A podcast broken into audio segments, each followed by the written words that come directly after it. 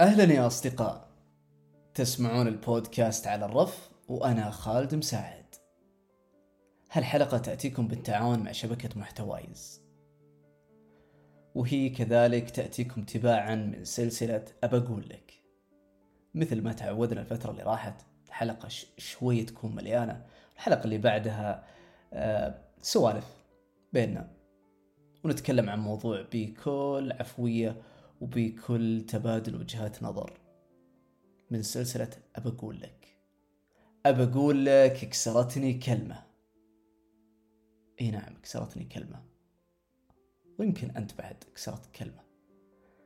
خلونا نتفق على مبدأ أنه أنا ما أقصد أصحاب الشخصيات الحساسة أو اللي مثلا يمر بوضع نفسي نوعا ما هش وتعبان من الدنيا هذه فيتأثر من أي كلمة. لا أنا أقصد الكلمات الكبيرة. تعيش حياتك بكل سلام وبكل تفاعل وكل تفاني. سمعت كلمة. الكلمة هذه غيرتك وقعت في قلبك ف كسرتني كلمة. لو سألت أي شخص قريب منك وقلت له هل سبق وكسرت كلمة؟ أنا أسألك الآن اللي تسمعني هل سبق وكسرت كلمة؟ أجزم أني لو سألت السؤال هذا بشكل مباشر راح تجيني آلاف الإجابات لأن الكلمة لها حدة ولها قوة وهي تصنف من الاعتداء. إذا كانت الكلمة فعلا جارحة ومؤلمة تصنف من الاعتداء بل إنها توصل إنها ربما تجرم. مو ربما لا أكيد تكون جريمة. بإمكانك تروح تشتكي. أنا سمعت كلمة واحد قال لي كذا كذا كذا. لكن إحنا ما نقصد الكلمات الجنائية اللي فيها اعتداء. لا إحنا نقصد بحياتنا اليومية. بحياتنا اليومية أنا سمعت كلمة ما هي موزونة. إحنا دائما نقول والله ما يوزن كلامه. كلمة ما هي موزونة خلتني أكره شخص خلتني أكره مكان خلتني اللي بيدي قاعد أشتغل فيه نزلته رميته. على قولة الأغنية قدرك الغالي أصبح بالثرى. تحملوني في هالحلقة بأخذ راحتي. ترى بسترسل يمين ويسار. مثل ما قلت لكم ما في تحضير. فهي سوالف. إن شاء الله تقبلونها. ولأني أحب أحلل المواقف في حياتي أو حتى في حياة الناس وأوصل لنواة هذا الموقف. آه، في مرات كثيرة يكون السبب كلمة سمعتها. تحصل مثلا مجموعة صار لهم سنوات مع بعض. شلة بنات ولا شلة شباب استراحة فجأة واحد انسحب. ليش؟ وش فيك؟ وش ما فيك؟ ساكت. بعد فترة طويلة يقول لك والله سمعت كلمة من فلان كذا وكذا وكذا. أو سمعتها من فلانة. فماني ملزوم. خلاص ما عاد أتحمل وجوده هنا. لأن في بعض الكلمات ما ينفع معها عذر. إطلاقا ما ينفع معها عذر. لأنها تكشف شيء داخل النفس. شيء مستور. ف القلوب والأنفس مستورة. يكشف سترها اللسان والنطق بكلمة غير محسوبة وغير موزونة. بسم الله. طاولة. واضح اني أخذ راحتي مرة معكم. عشان كذا أنا أستمتع وأنا أسجل حلقات البودكاست. اي وقفت التسجيل لأن الضربة جت على الكوع فعورتني شوي. نرجع. بصراحة من أكثر الكلمات الموجعة اللي أسمعها علي أنا شخصيا أو إذا أحد قالها لي شكالي أو كذا أو كشف لي ما في قلبه اللي الكلمات اللي تتعلق بالأقدار أقدار الله سبحانه وتعالى. الجميع راضي بإذن الله أن راضين بأقدار الله. لكن من غير المعقول وغير المنطقي أني أسمع أو الشخص هذا يسمع شيء يتعلق في حالته المادية. والله أنت ليش جوالك قديم كذا؟ ليش جوالك مكسور؟ أنا أبي آيفون 14 أنا ما أتكلم عن شخصيا لكن بشكل عام لكن ما أقدر. جوالي الحمد لله ساترني ماشية الأمور. حتى نوصل لحالة الرقي إني ما لي علاقة؟ ولا سيارة قديمة ولا أنت تتزوج ولا ولا الكلام الكثير هذا كله. هي تبدأ بكلمة. تنهي كل حاجة. تسبب فجوات تسبب حالة من الانهزامية عند الشخص. بالذات إذا لمسنا شيء ينقص الآخرين. كل إنسان فينا لو تكشف أنفسنا عندي نواقص أنا أبيها. ربما تكون نواقص مالية آه، معنوية اجتماعية عاطفية إلى آخره. كل إنسان عنده نواقص. فمن الألم أنك تلمس هذه النواقص كأنك تلمس جرحه فما يحتمل. فأنا أتمنى أن في طريقتنا بالكلام واستقبالنا لها وحتى وأنت تسمعني في هذه الحلقة أن نتعامل مع الموضوع كضحايا وجنات. آسف على الكلمة. ضحايا وجنات. لأن ربما أكون أنا أنا خالد والله في شخص شايل علي بحياته كلها لأني قلت له كلمة غير محسوبة. وارد وارد جدا. كذلك أنت اللي تسمعني. ويمكن أني أنا في شخص فعلا كرهته وشايل عليه بسبب أني سمعت منه كلمة ما هي موزونة. ولا يمكن يمسحها شيء. مهما أعتذر. وكذلك أنت يا صديقي المستمع. فعشان نستوعب الموضوع ونعالجه لابد أن نكون في كلا الطرفين الضحية والجاني.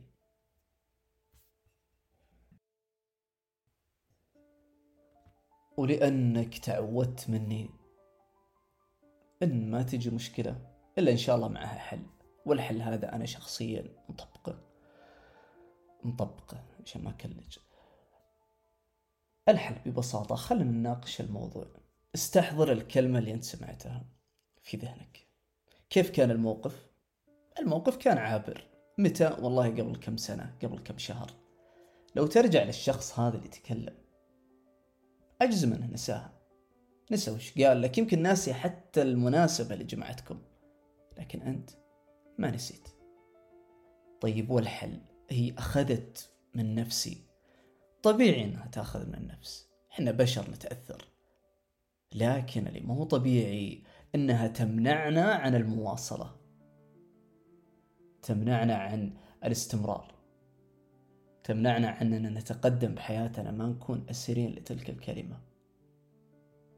وأهم شيء إنها ما تهز الثقة بالنفس أو الثقه بالإمكانيات. وإذا هي فعلا هزت الثقة بالنفس وبالإمكانيات الحل الميدان. الحل على الواقع. على الأرض. هذا هو الحل. لو مثلا شخص شكك في مستواك التعليمي مثلا الحل هو في طلب العلم. ما هو يثبت له؟ لا أنا عشان أثبت لنفسي. شخص شكك مثلا في آه شيء قدري فيك إما أنه بإذن الله يتعدل. وإذا ما تعدل أنا أتعبد لله في تقبلي لهذا الواقع لأني قبلت في القدر. فهذا التعبد لله سبحانه عاقبته قوة وصلابة وصبر وتقبل. هذه هي العاقبة. وكذلك في حل ثاني آه، اللي هو أني أعدد الإيجابيات. جتني كلمة أني مثلا آه، غير مؤدب غير لبق بكلامي. أكون فعلا منصف مع نفسي. أكون فعلا صارم بحق نفسي. بنفس الوقت منصف. هل أنا مؤدب عند الطلب؟ هل أنا مؤدب عند الرد؟ هل أنا هل أنا أسمع؟ هل أنا أنصت؟ إلى آخره. إجاباتك على الأسئلة هذه هي من تحدد. لأن أحيانا بعض الكلمات اللي نسمعها هي صحيحة في حقنا حتى لو كانت قوية وجارحة. لأن الناس مرايا لبعضهم. حتى أني أستحضر موقف أثناء تحضيري للحلقة وكذا تجهيزي للمحاور سألت واحد من الأصدقاء قلت له هل في كلمة غيرتك؟ سمعتها وغيرتك.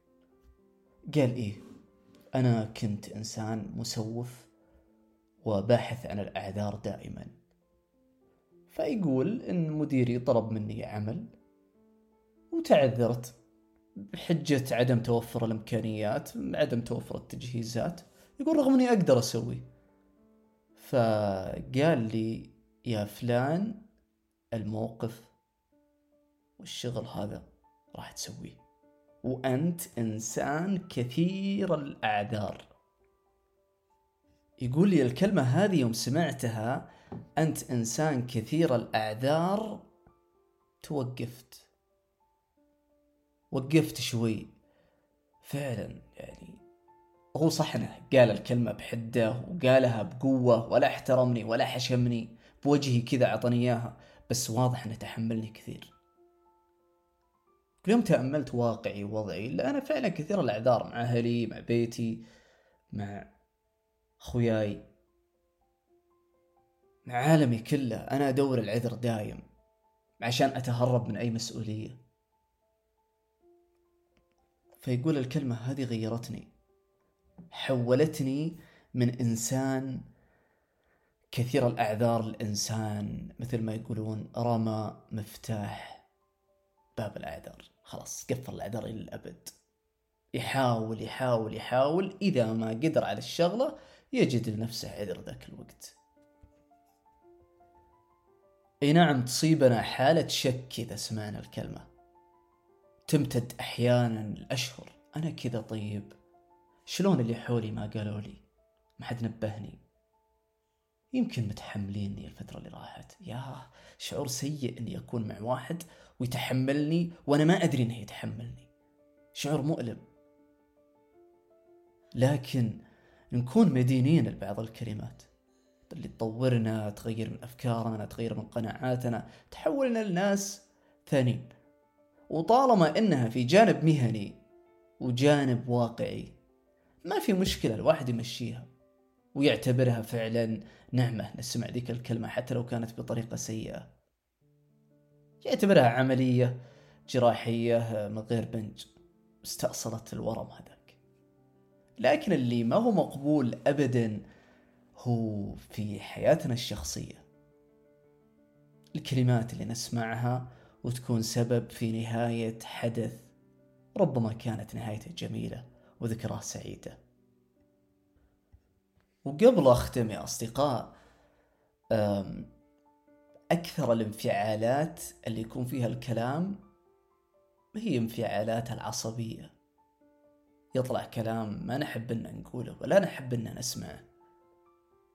فمن الجميل أن نعود أنفسنا. خلاص عصبت أطلع عن المكان هذا. عصبت أحاول أسكت وأجاهد نفسي. لأن الكلمة إذا قلتها وأنت غاضب تراك صادق فيها. وهي اللي بداخلك وهي اللي بقلبك. فمثل ما قلنا القلوب والأرواح مستورة. لكن اللي يفضحها اللسان يفضحها الكلام. ويعاون الكلام الغضب. فأشوف أنه محظوظ الإنسان اللي آه، يملك نفسه عند الغضب. وكما قال النبي صلى الله عليه وسلم ليس الشديد بالسرعة ولكن الشديد من يملك نفسه عند الغضب. والسرعة هي من المصارعة وتدل على القوة الجسمانية عند الشخص. من يملك نفسه عند الغضب هو أقوى من هذا القوي بدنيا وجسمانيا. فيا رب يا رب أن نكون أقوياء ونملك أنفسنا عند الغضب. حتى لا نخسر أحباء ونخسر مواقف ونخسر ذكريات بسبب كلمة عابرة وغير محسوبة. هذا اللي عندي في الحلقة وهذا اللي في خاطري في هالدقائق. وحاب أسمع منكم حلولكم في حال أنك سرت كلمة كيف تتخطى الموضوع؟ وإذا حابين أنكم تطرحون بعض المواقف اللي كسرتكم ما في مشكلة. آه، حساباتي موجودة على كل وسائل التواصل الاجتماعي. راسلوني وإن شاء الله أن ننشرها في هاشتاج البودكاست بودكاست على الرف. يعطيكم العافية وشكرا لكم على الاستماع. وشاركوا الحلقة مع جمهور البودكاست ومع أصدقائكم وإن شاء الله أنكم تكونون آه، أصدقاء مشتركين فيما بيننا. يعطيكم العافية على التفاعل على النشر على التقييم في منصات البودكاست. وأعتذر عن الإطالة. ويومكم طيب وليلتكم سعيدة.